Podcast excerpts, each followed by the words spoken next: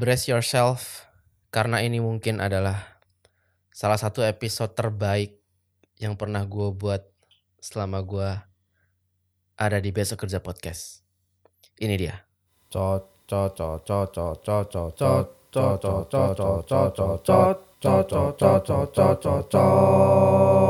Cocot by Besok Kerja Podcast. Hey, selamat datang kembali di Cocot sebuah segmen di Besok Kerja Podcast di mana gue membahas isu-isu yang sedang hangat di masyarakat dan di episode kali ini uh, gue akan melanjutkan pembahasan di episode selanjutnya yang berjudul Alien memang nyata.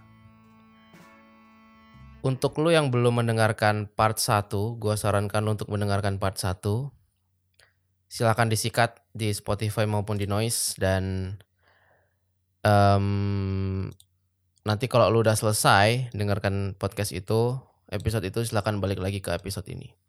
Karena di episode tersebut gue akan menjelaskan kenapa uh, pembahasan ini jadi naik ke permukaan gitu. Bahwa berawal dari uh, disclosure atau apa ya Amerika Serikat yang akhirnya memutuskan untuk membuka gerbang rahasia tentang extraterrestrial activities di planet bumi yang mana bukti-bukti itu sudah banyak dipegang oleh pemerintah Amerika. Saran gua eh, buat lu yang lagi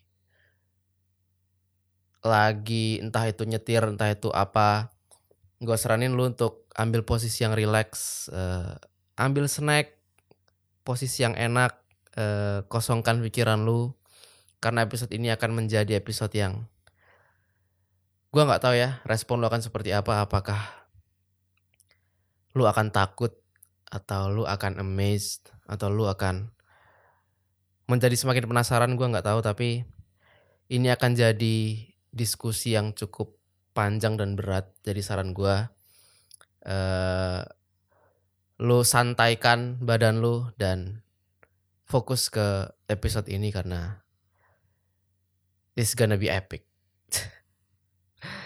dan seperti janji gue di episode yang sebelumnya, gue akan membuka episode ini dengan cerita pengalaman gue waktu gue melihat UFO. Ceritanya berawal dari tahun 2009 waktu gue lagi perpisahan SMP ceritanya. Jadi waktu gue lagi perpisahan SMP, gue beserta teman-teman kita memutuskan untuk uh, naik gunung. Gue nggak akan nyebut uh, daerah mana dan gunung apa, tapi buat lu yang penasaran silahkan kunjungi kayaknya di Facebook gue ada deh foto-fotonya. Jadi gue beserta teman-teman SMP gue dalam rangka farewell atau perpisahan kita pergi ke gunung gitu untuk uh, camping bareng untuk yang terakhir kalinya gitu. Waktu itu kita start jalan itu dari pagi, jadi pagi pagi-pagi kita jalan, kita hiking dulu, terus ketika siang hari pertengahan hari sekitar jam 12 jam 1 itu kita sampai di pertengahan sampai di pos pos 1 dan perjalanannya kita lanjutkan. Kan gua inget karena waktu itu gua sholat zuhur di semak-semak. Gue inget tadi kalau uh, kalau nggak salah itu ya sekitar jam 1 jam 2 kita jalan lagi. Nah dari pos 1 itu gua selalu melihat ke atas. Gue selalu melihat ke atas yaitu ke arah puncak gunung. Lu bayangin uh, pegunungan ya, maksudnya ada ada gunung puncak, tapi kan di sampingnya puncak itu ada kayak perbukitan gitu di sebelah kiri dan kanan.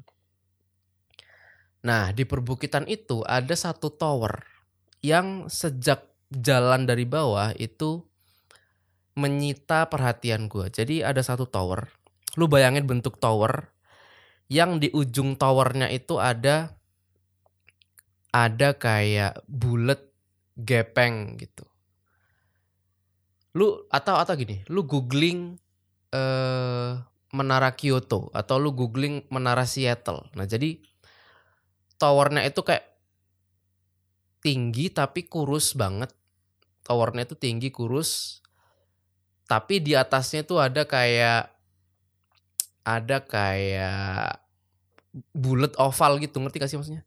Mungkin di situ ada kayak gua nggak tahu alat-alat komunikasi atau ada pencahayaan gua nggak tahu tapi atau mungkin ada kayak control roomnya di situ gua nggak tahu tapi kurang lebih bentuknya kayak gitu. Gue tuh merhatiin tower itu dari bawah karena ya kayak menarik perhatian aja gitu. Gue nggak tahu teman-teman gue ngeliatin tower itu apa enggak, tapi gue semenjak dari bawah gue selalu melihat ke sana. Jadi berapa menit sekali gue lihat itu towernya, berapa menit sekali gue lihat itu towernya. Kita jalan ke atas sampai di puncak itu sekitar menjelang maghrib gitu. Habis itu kita bikin tenda segala macam dan kita nginep uh, di atas. Nah waktu malam hari masih kelihatan tuh tower dari puncak. Cuman karena ini posisinya gue di puncak, jadi posisi towernya itu uh, hampir sejajar sama pandangan mata tapi agak rendah dikit. Cuman jauh, posisinya agak jauh. Jadi ketika malam hari itu tower yang tadi kelihatan jelas sekarang kelihatan lampu-lampu aja. Jadi di puncak tower yang bulat itu uh, ada lampu-lampunya. Gue lupa warnanya apa, tapi dia itu blinking gitu, dia kedip-kedip-kedip gitu sepanjang malam kita ngobrol, kita bakar-bakar segala macem, kita nyanyi-nyanyi sampai mau tidur gue masih cek itu tower gitu. Dia masih ada di situ dan masih nyala. Terus kita nginep, kita tidur sampai kita bangun, besok paginya kita jalan-jalan di sekitar situ. Terus kurang lebih jam 9 jam 10 kita siap-siap turun kita beres-beres tenda. Dan waktu kita tidur gue nggak nggak kepikiran tuh. Maksudnya gue nggak kepikiran tower yang sepanjang hari gue lihat. Tapi ketika kita udah beres-beres kita udah packing kita udah tinggal jalan turun gue ngeliat tower yang kemarin gue lihat tuh. Yang yang yang terakhir gue lihat itu tadi malam nih. Gue sepanjang malam gue nggak lihat karena gue tidur. Bangun tidur gue nggak lihat karena gue sibuk beres-beres segala macam. Nah pas mau turun, gue lihat ke arah tower itu. Pas gue lihat, ini ini anjing banget nih. Pas gue lihat, towernya tuh seperti yang gue deskripsikan di awal kayak ya kurus tinggi tapi bulat-bulatnya tuh hilang jadi apa yang ap, yang gue lihat kan ini towernya kurus tinggi tapi di atasnya ada bulat-bulat warnanya hitam bentuknya oval pas malam ada lampu-lampunya tapi pas paginya itu gak ada. Itu hilang. Jadi tower itu ya cuman tower biasa aja lurus ke atas. That's it. Dan gue langsung Hah, anjir anjir anjir. Itu untung ya. Untung posisinya kita itu udah beres-beres mau turun ke bawah. Itu kalau gua sadarnya malam, gua nggak tahu sih itu gua takutnya kayak apa. Entah gua langsung minta turun malam itu atau gimana gua nggak tahu tapi semenjak saat itu gua selalu mempertimbangkan tentang keberadaan dari eh uh, gua gua nggak tahu nyebutnya apa ya, tapi ya extraterrestrial activity gitu. Berarti kan apa yang gue lihat itu gini-gini. Gue yakin itu bukan halusinasi ya. Karena apa yang gue lihat itu gue saksikan sepanjang hari. Jadi bukan kayak kayak kayak orang lihat hantu gitu. Kayak orang lihat hantu kan one moment abis itu selesai gitu. Nah ini enggak, ini gue lihat nih dari bawah sepanjang hari gue lihat tuh sampai atas sampai malam gue lihat tapi pas paginya hilang. Anjir apakah mereka bermukim di sekitar situ? Gue nggak tahu ya tapi semenjak saat itu gue selalu mempertimbangkan emang kayaknya emang emang ada deh gitu. Dan ber- mulai dari pengalaman gue itu sampai detik ini, gue selalu percaya bahwa alien itu emang emang ada. Dan di episode kali ini, gue akan menjelaskan kenapa gue percaya sama alien. Mungkin buat sebagian dari lu gue akan terdengar seperti orang orang gila, orang imajinatif, orang stres, orang halu. Tapi gue akan coba menjelaskan kepada lu semua kenapa akhirnya gue percaya dan gue memilih untuk percaya. Kalau lu merasa gue akan ngebahas kayak Ya gue percaya alien karena uh, Fermi Paradox gitu. Lu Fermi Paradox itu adalah uh, ya kalau alam semesta seluas ini nggak mungkin dong kita sendirian di alam semesta ini. Enggak enggak. Gue nggak akan mengarah ke sana karena itu cetek. Itu tuh shallow banget orang yang berpikir seperti itu. Kayak maksudnya ya Fermi Paradox tidak mungkin kita sendirian di alam semesta ini dan bla bla. Enggak. Gue nggak akan membicarakan ke arah situ. Apa yang akan gue bicarakan ke depan ini adalah jauh lebih dalam daripada itu. Gini, ada mungkin lu kenal orang ini namanya Neil deGrasse Tyson. Neil deGrasse Tyson itu kalau lu suka nonton kayak dokumenter di National Geographic atau di NBC atau ABC ya yang uh, Cosmos Space Odyssey, eh kok Space Odyssey. Cosmos apa sih itu yang dokumenter tentang alam semesta? Nah, hostnya itu Neil deGrasse Tyson. Dia saintis yang terkenal banget di era sekarang. Neil deGrasse Tyson waktu dia jadi bintang tamu di podcastnya Joe Rogan, dia tuh pernah menjelaskan kayak uh, kemungkinan tentang keberadaan alien. Jadi memang untuk membuktikan keberadaan sesuatu dalam konteks ini adalah alien, kita tuh nggak sebetulnya nggak perlu bener-bener ngeliat gitu. Walaupun seperti yang gua udah ceritain di episode selanjutnya, eh episode sebelumnya, bahwa banyak sekali fenomena eh, penampakan UFO yang mana itu tuh saksinya itu nggak cuma satu dua orang, tapi ratusan bahkan kalau yang kayak eh, kejadian yang di Phoenix Arizona itu ada seribu orang orang satu kota itu ngeliat UFO lewat Nah, kalau kita ngomongin jumlah saksi sebanyak itu, itu kan kemungkinan bahwa itu benar itu jauh lebih tinggi kan. Tapi kata Neil deGrasse Tyson tuh begini kayak sebetulnya untuk membuktikan sesuatu itu ada dalam hal ini UFO atau alien, kita nggak perlu ngelihat langsung, tapi kita bisa lihat implikasinya. Contoh, dia menganalogikan kayak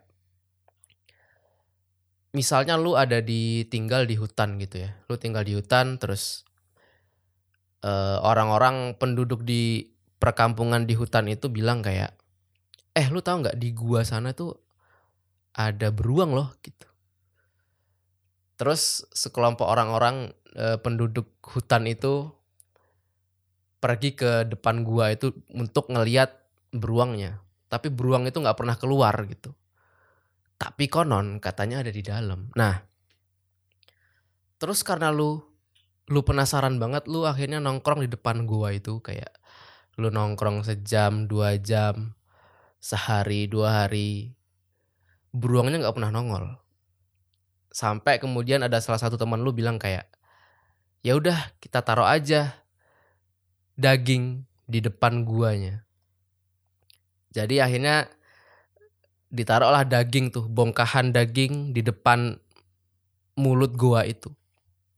Terus lu tinggal pergi. Dua hari kemudian lu balik dan lu ngeliat dagingnya tuh nggak ada di situ. Dagingnya hilang dan ada jejak kaki beruang di situ. Dengan hilangnya daging lu dan adanya jejak kaki beruang, walaupun lu nggak lihat beruang, lu bisa memastikan bahwa emang ada beruang di gua itu. Terus ditambah lagi, setelah lu tanya orang-orang yang kebetulan berkebun di deket gua itu, terus lu tanya kayak eh pak eh, ngelihat ini nggak? Beruang nggak di gua itu? Terus ada banyak orang ada puluhan ratusan orang yang bilang kayak oh iya mas saya kemarin lihat ada beruang ngambil daging di situ. Apa yang terjadi selama ini mengenai penampakan alien? Walaupun lu nggak lihat langsung beruangnya dalam tanda kutip tapi jejak kaki beruangnya, dagingnya hilang, dan jumlah saksi mata yang banyak, itu sebetulnya sebetulnya udah lebih dari cukup untuk membuktikan bahwa emang ada beruang di situ. Bahkan kalau lu ingat yang gua ceritain yaitu kejadian di Roswell ta tahun 1947 yang ada UFO jatuh. UFO jatuh di Roswell terus eh, ketemu sama ketemu sama seorang petani. Nah itu kan nih konon katanya pas setelah UFO jatuh di Roswell itu tuh di daerah itu tuh banyak kayak orang-orang gitu pakai mobil hitam, pakai jas hitam yang kerjaannya nanya-nanyain orang.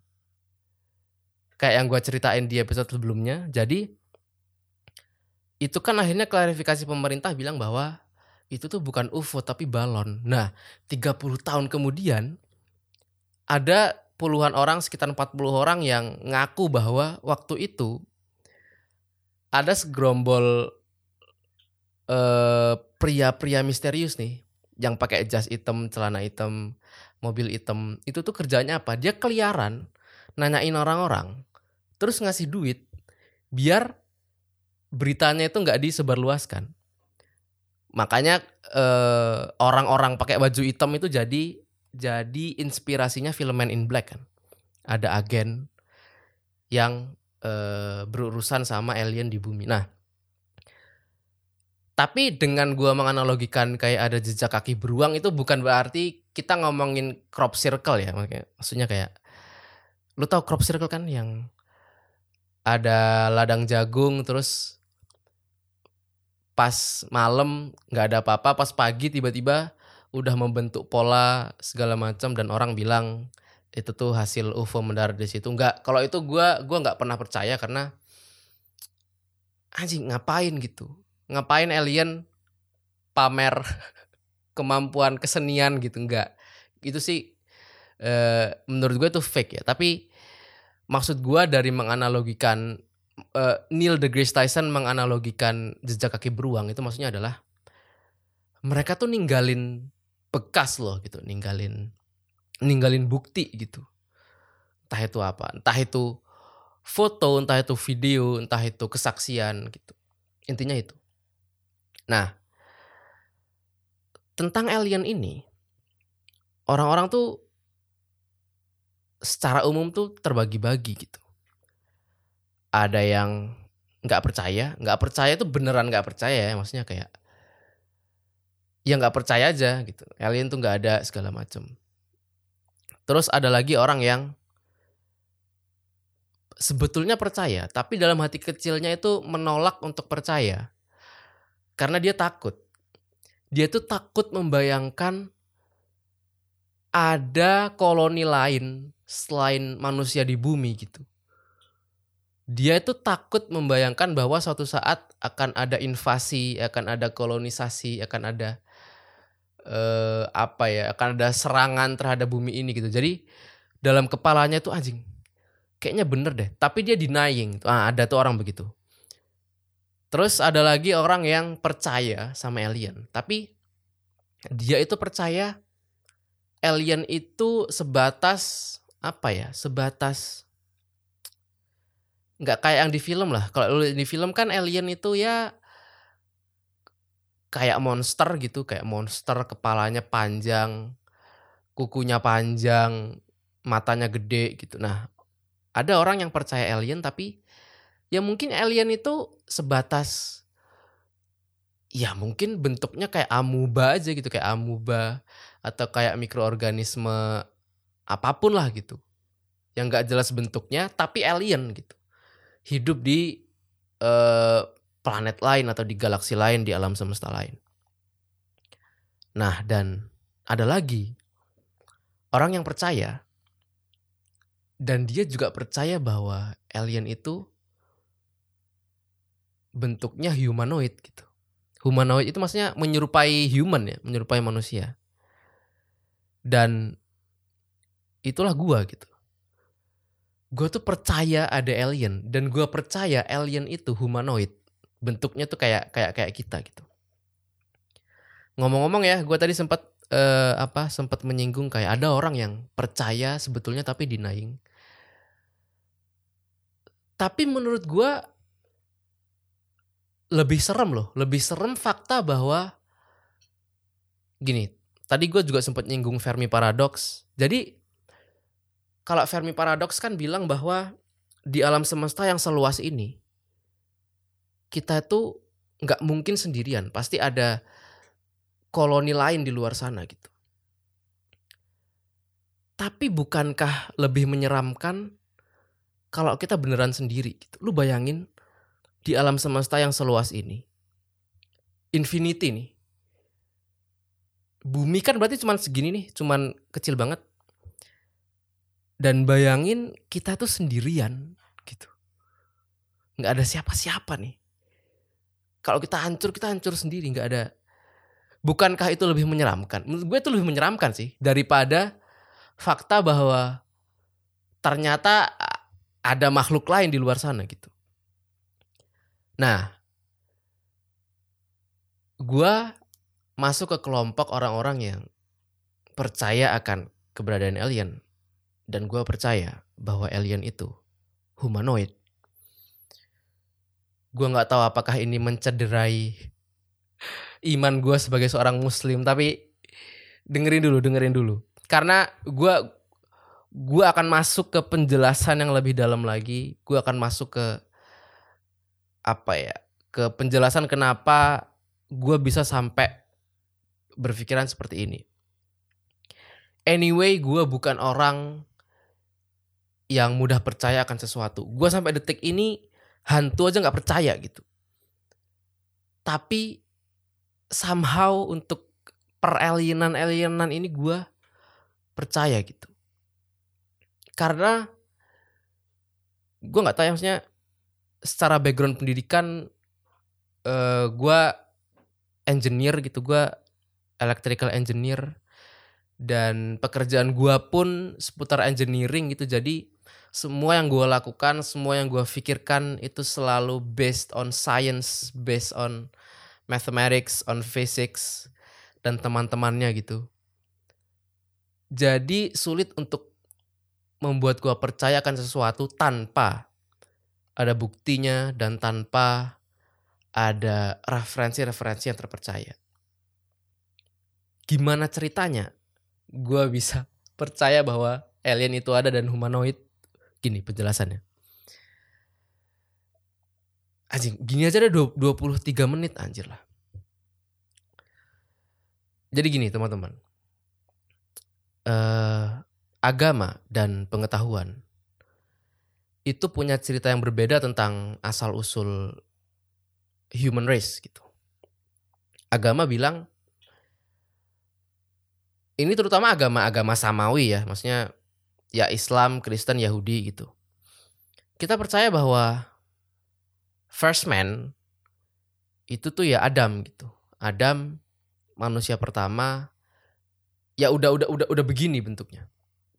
Terus kemudian ya dia kawin sama Hawa dan punya anak dan punya cucu dan akhirnya menyebar ke seluruh penjuru dunia dan jadilah kita semua gitu penduduk dunia ini penduduk bumi ini tapi ilmu pengetahuan berkata lain.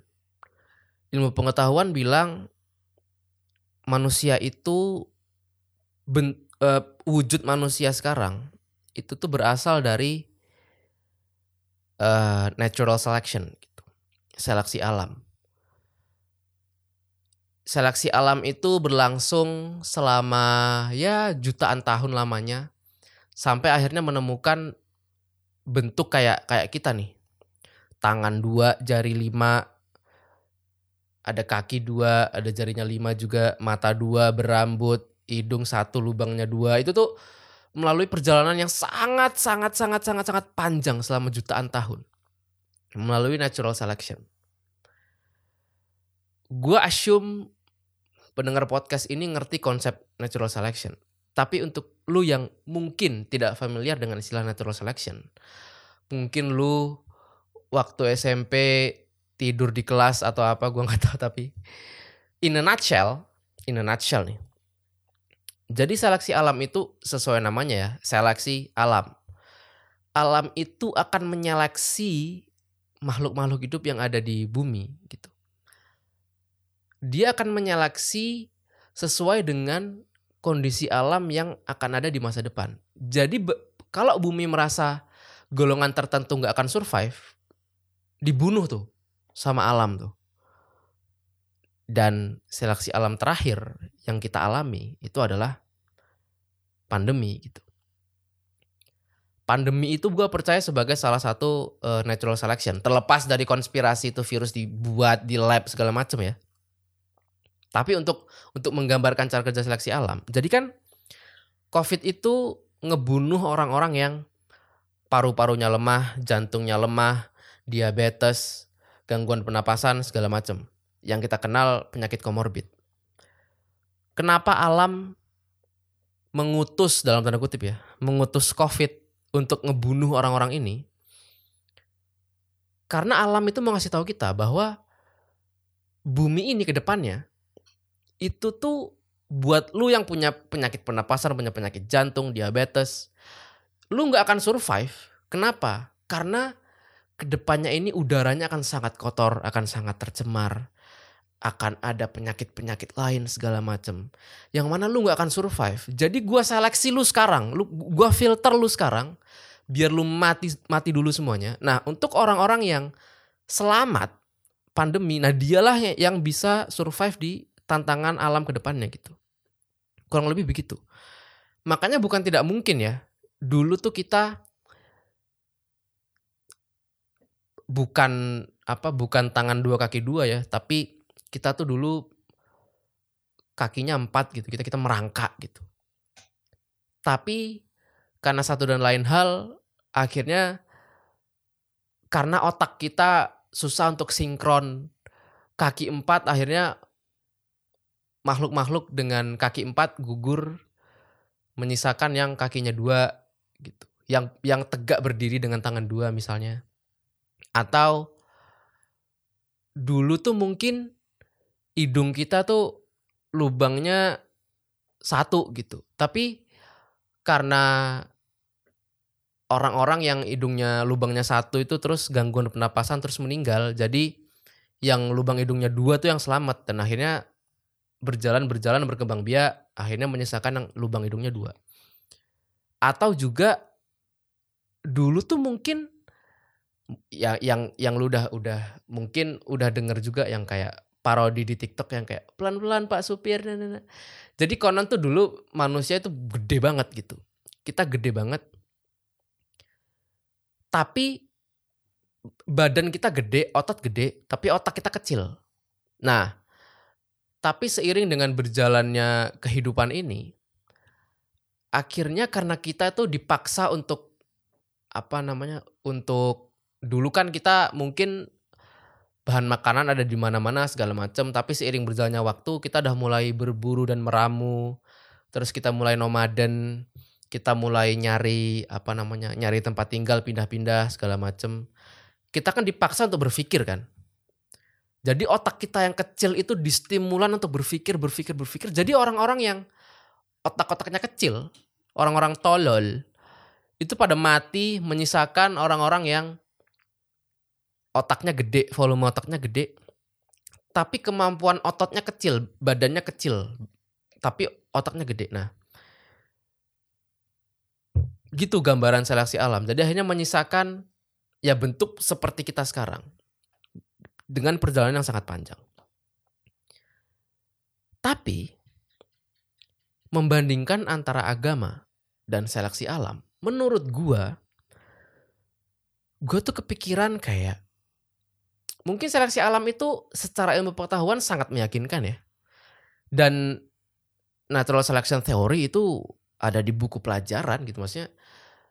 Itu tuh udah hampir dianggap sebagai absolute truth gitu.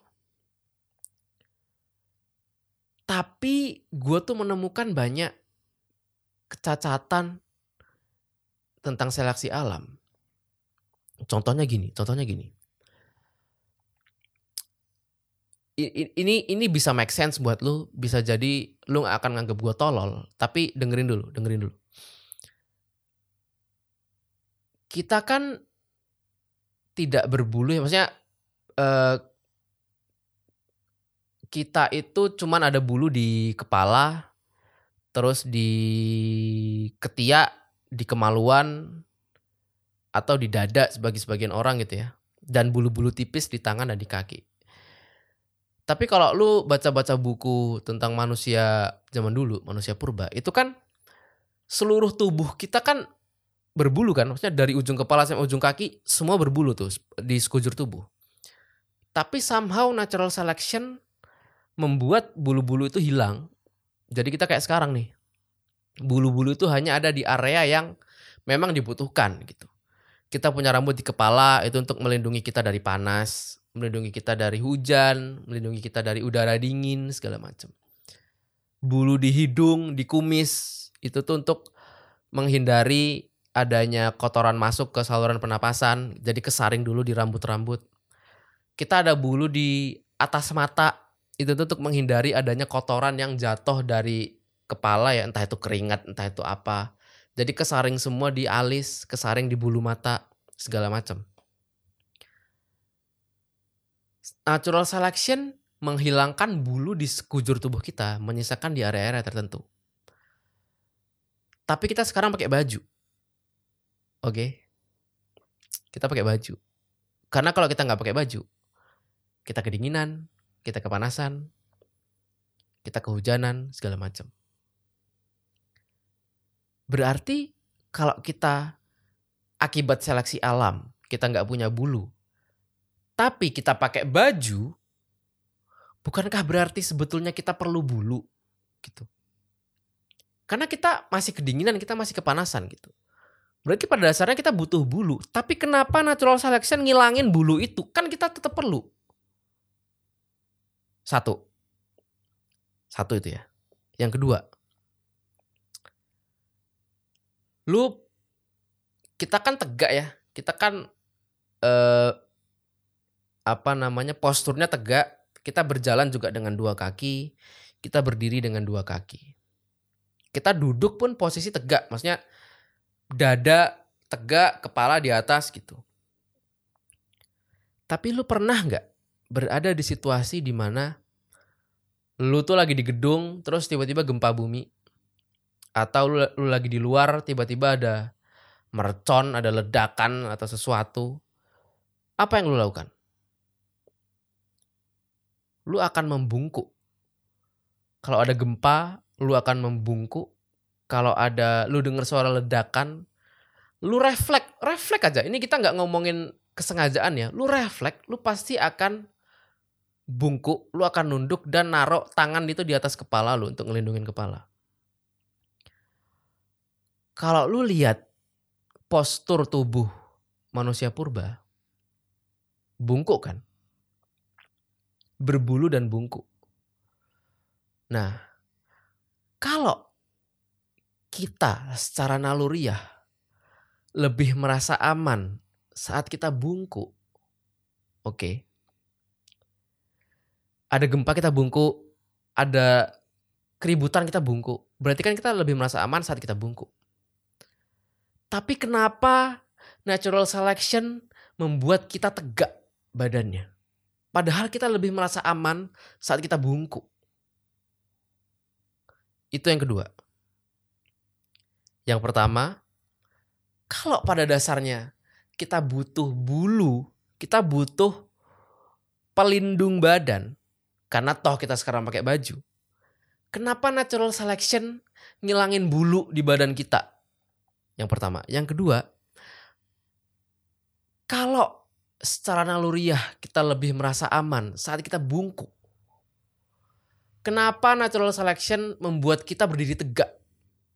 Kenapa yang survive bukan yang bungkuk? Kenapa yang tegak? Kenapa yang survive bukan yang berbulu, tapi yang tidak berbulu? Jawabannya adalah karena natural selection itu mungkin salah. Karena yang benar adalah dari dulu, dari awal penciptaannya, kita emang udah begini bentuknya. Kebayang?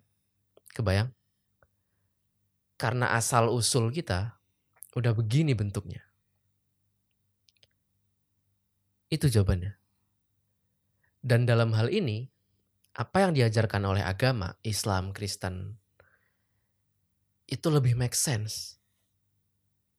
Karena ternyata setelah kita pikirkan lagi, apa yang ditawarkan oleh teori natural selection itu tuh banyak hal yang kalau di film tuh plot hole ya gue bilangnya ya. Kenapa begini, kenapa begitu. Dan mungkin agama tuh udah ngasih jawabannya gitu. Ini gue bukan bukan mengajak lu untuk akhirnya inilah keajaiban Allah teman-teman. Gua ini ini nggak nggak mengarah ke situ pembicaranya. Pembicaranya adalah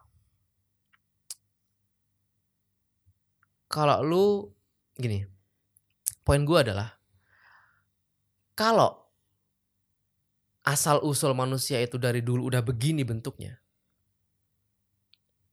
mungkin kita harus consider gitu. Adam itu datangnya dari mana?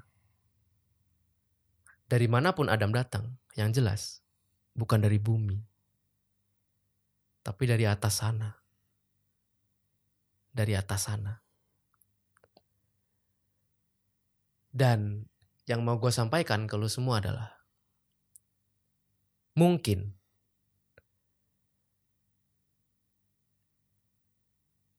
alien itu adalah nenek moyang kita. Mereka dengan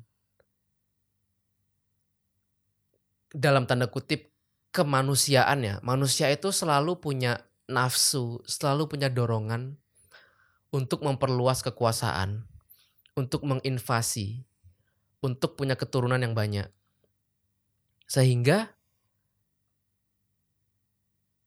first man itu akhirnya menaruh benih di planet ini untuk akhirnya berkembang biak menjadi kita semua. Dan agama udah ngasih tahu kita bahwa Adam bukan dari sini. Gua tidak gua tidak mendiskreditkan Adam sebagai kalau lu Islam ya, Adam itu nabi. Dengan ngebilang dia alien. No, no, no, bukan, bukan. Alien itu kan gini. Clark Kent, Superman nih. Orang seganteng dan sepintar itu itu kan alien juga kan dia datang dari Krypton gitu Thor orang yang seganteng itu segagah itu dia dari Asgard dia alien gitu bukan dari bumi kan tapi wujudnya ya wujud manusia that's what I meant gitu terus mungkin lu akan lu mungkin akan menyanggah kayak loh tapi kan di episode sebelumnya di hearingnya Kongres Amerika Serikat waktu David Grush ditanya kayak iya Pentagon tuh punya uh, puing-puing pesawat dan ada remains gitu. Ada biological remains di dalamnya. Dan ketika dia ditanya apakah itu human atau non human, dia jawab non human. Loh berarti kan bentuknya tidak kayak human kan? Lah belum tentu.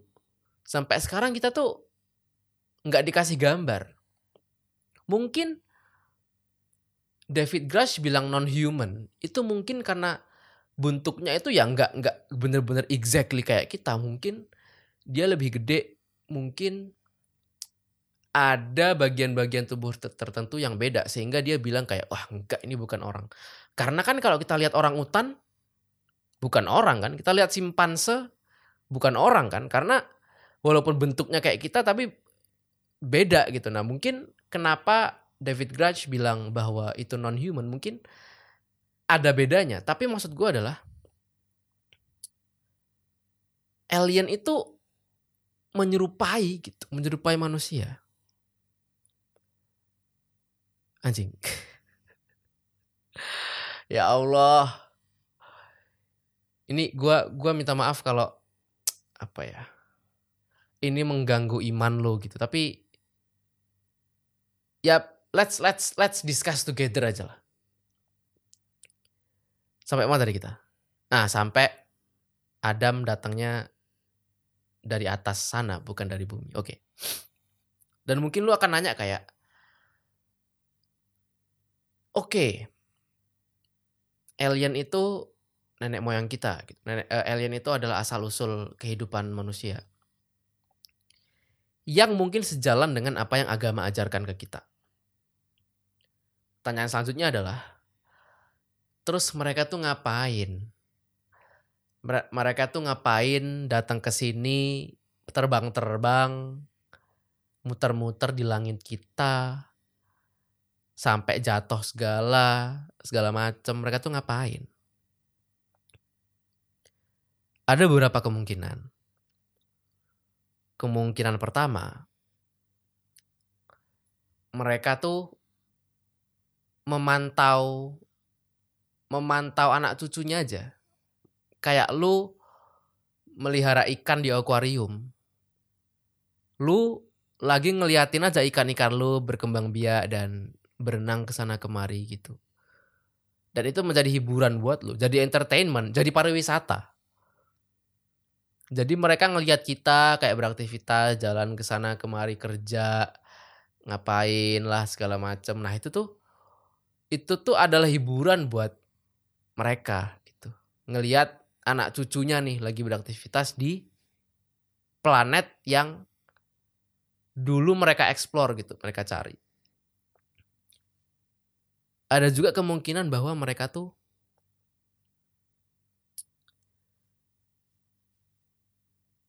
anjing, gue deg-degan nih, gue deg-degan nih.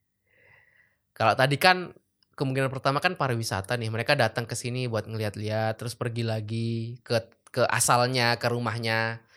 Terus nanti mereka datang lagi, segala macam pergi lagi. Kemungkinan kedua adalah mereka tuh bukan datang ke sini.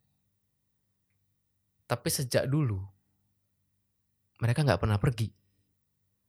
Mereka selalu ada di sini. Kalau lu ngelihat artefak-artefak yang ada di Mesir, di Mesir kuno, atau di Aztec atau di peradaban-peradaban kuno lain.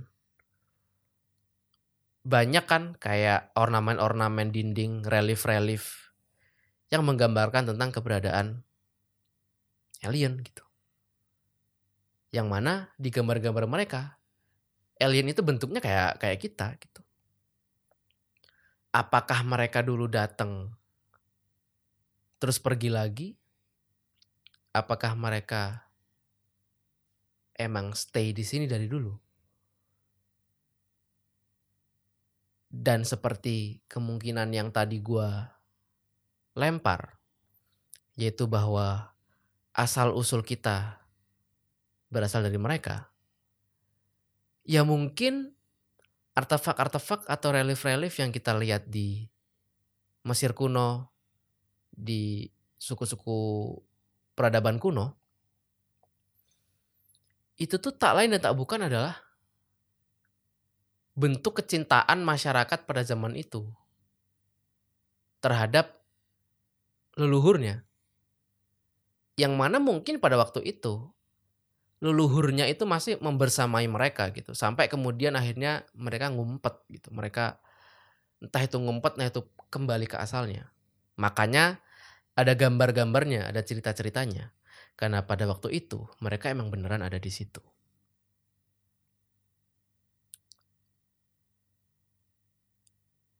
Mereka sebagai nenek moyang kita, berarti kan mereka itu udah melalui peradaban yang sangat jauh gitu, sangat lama, jauh lebih lama dari umur bumi ini kan. Mereka itu udah jauh lebih advance dari kita secara peradaban dan juga secara teknologi. Mereka sudah menguasai, teknologi-teknologi yang kita sekarang belum punya. Kayak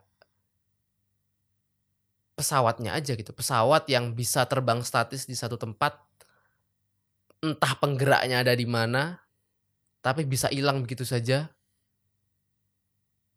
Itu ada teknologi yang kita belum punya. Tapi mungkin suatu saat kita akan punya mereka udah melalui peradaban yang sangat lama. Sehingga mereka punya banyak waktu dan banyak kesempatan untuk bisa mendevelop teknologi sejauh itu. Untuk mendevelop pesawatnya dan mendevelop untuk melakukan perjalanan antar dimensi, antar universe.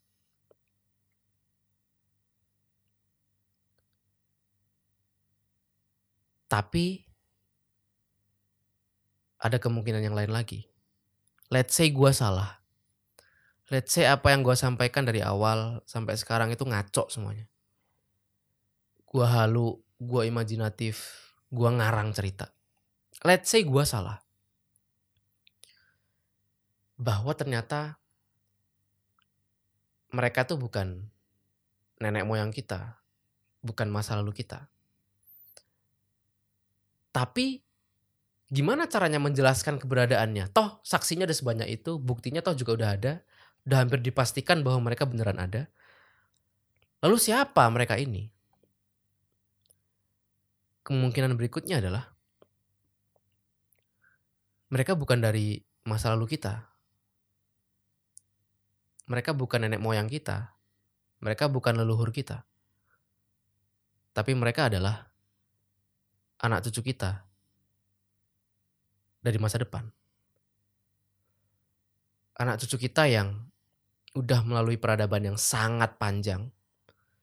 Sehingga mereka udah mereka itu udah bisa mengkonservasi energi gitu. Mereka mereka udah bisa mengkonserv energi sehingga mereka tuh udah nggak berantem lagi, mereka udah nggak perang lagi, mereka udah nggak rebutan resources karena mereka udah bisa mendevelop energi mereka sendiri. Mereka udah bisa sebenarnya bukan mendevelop ya, karena energi kan nggak bisa diciptakan kan.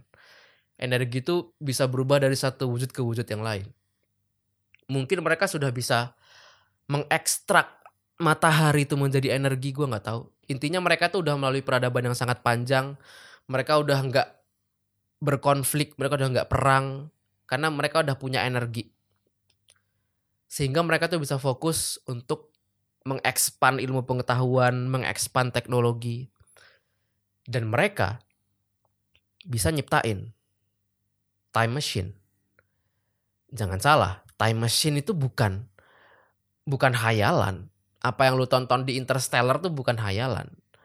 Itu penelitian udah jalan dari kapan tahu. Tinggal nunggu waktu time machine itu akan terrealisasi. Dan assuming time machine itu terrealisasi di bergenerasi-generasi generasi ke depan.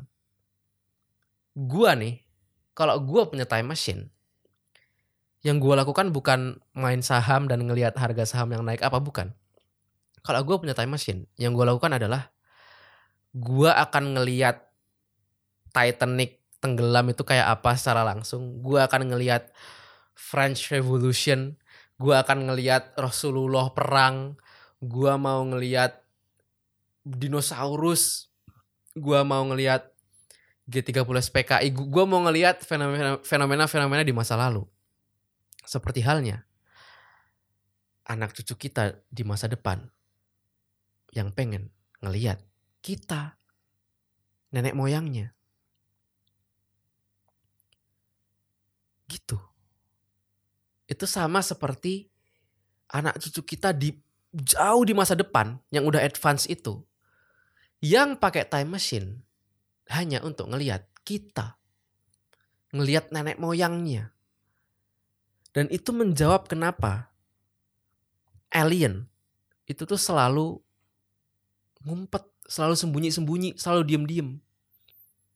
Kenapa? Karena kalau mereka datang dari masa depan, mereka datang ke sini dan mereka ketahuan dan akhirnya merubah sesuatu yang yang menerima akibatnya adalah mereka sendiri. Butterfly effect, grandfather paradox, segala macam. Dan itu menjelaskan kenapa mereka tuh sembunyi-sembunyi. Anjing. Anjing, anjing, anjing, anjing, anjing. Jadi alien itu ada either mereka itu adalah masa lalu kita, either mereka itu adalah masa depan kita. Tapi poin gue adalah kemungkinan besar alien itu adalah kita. Itu kesimpulannya dari episode ini teman-teman. Kita udah bahas banyak hal dari uh, cerita pengalaman gua ngeliat UFO yang akhirnya itu mendasari kepercayaan gua terhadap alien. Terus kita juga cerita kenapa gua percaya alien itu wujudnya sama dengan kita. Gue juga cerita kenapa agama tuh ngajarin kita kayak gitu. Karena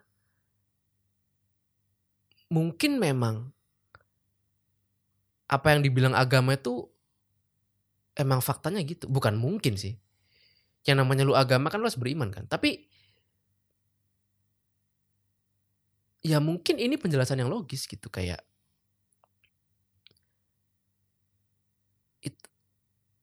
itu menjelaskan kayak first man Adam itu kan juga bukan dari sini gitu.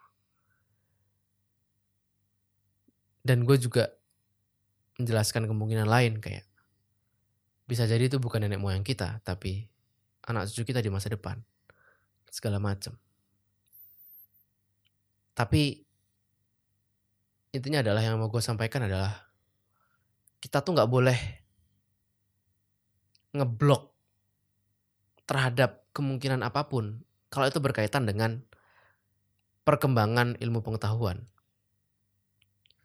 Karena gue banyak tuh nemuin uh, ini kan beritanya kan booming banget ya yang hearing uh, kongresional hearing di Amerika Serikat ini. Tapi masih banyak orang yang bilang kayak ya ini orang-orang yang udah terlalu banyak nonton film apa segala macam. Padahal tuh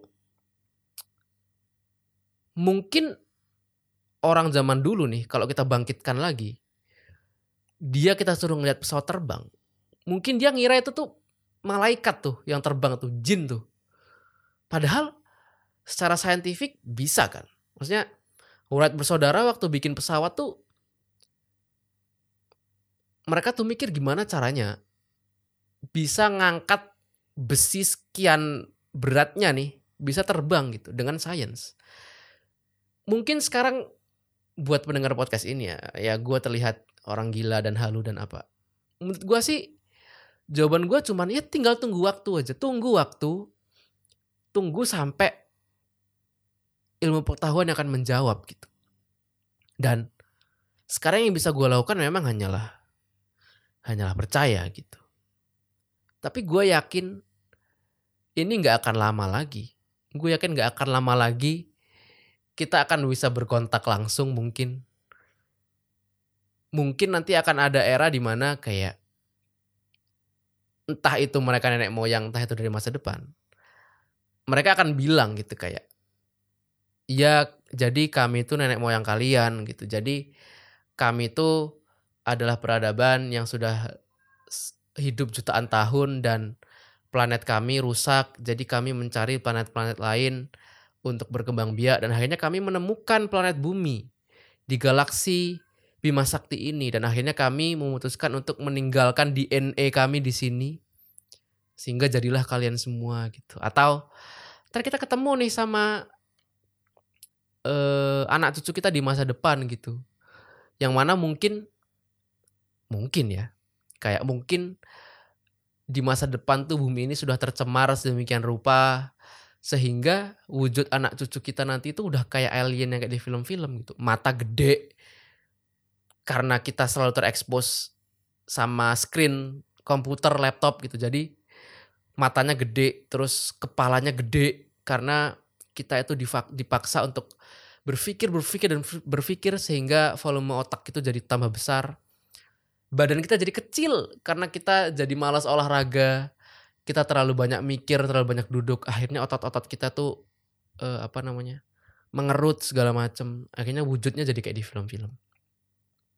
Tapi intinya menurut gua kita tinggal tunggu waktu aja sampai ini semua terbongkar secara utuh dan akhirnya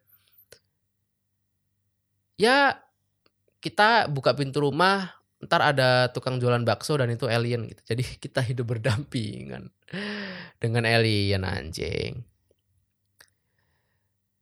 Itu dia teman-teman. Untuk part 2 dari episode alien memang nyata gimana gimana Apakah cukup memberikan pencerahan? Apakah cukup membuka pikiran Anda? Semoga bisa memberikan pencerahan dan mungkin buat lo yang malas mikir ya cukup jadi cukup jadi tambahan informasi aja, cukup jadi hiburan aja buat lo. Tapi tinggal tunggu tanggal mainnya. Kita akan perang lawan alien. Cak, cak, cak. Enggak, enggak, enggak. Itu aja ya teman-teman ya. Ini udah 56 menit anjir hampir sejam loh kita ngomongin alien. Itu aja ya, semoga cukup memberikan pencerahan dan semoga bisa menghibur.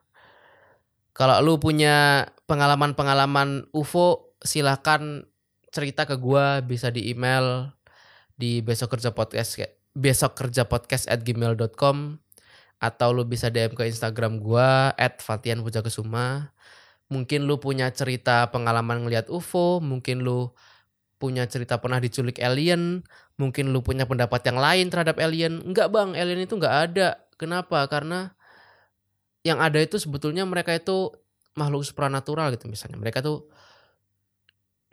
dari alam lain gitu misalnya ya nggak tahu gue tapi kalau lu punya pendapat lain kita bisa diskusi lu bisa diskusi uh, bisa di email gua bisa di comment section di noise atau lu bisa DM gua uh, intinya feel free to contact me. Kita kita kita discuss bareng-bareng. Dan tidak menutup kemungkinan bahwa setelah nanti akan ada update dari uh, hearing yang ada di Amerika, mungkin tidak menutup kemungkinan nanti ada part 3 atau part 4, part 5 kita akan ngebahas alien sampai tuntas. Itu aja teman-teman buat episode kali ini. Terima kasih sudah mendengarkan. Sekali lagi apabila ada kritik dan saran silahkan kirim email ke besokkerjapodcast@email.com besok kerja podcast at gmail.com atau DM ke Instagram at Fatian Pujakesuma at F A T H I A N Pujakesuma. Sampai jumpa di episode selanjutnya. Fatian Hafiz signing out. Bye bye. Anjing sejam. Fuck. Cot cot cot cot cot cot cot cot cot cot cot cot Cocot, cocot, cocot, cocot. By Besok Kerja Podcast.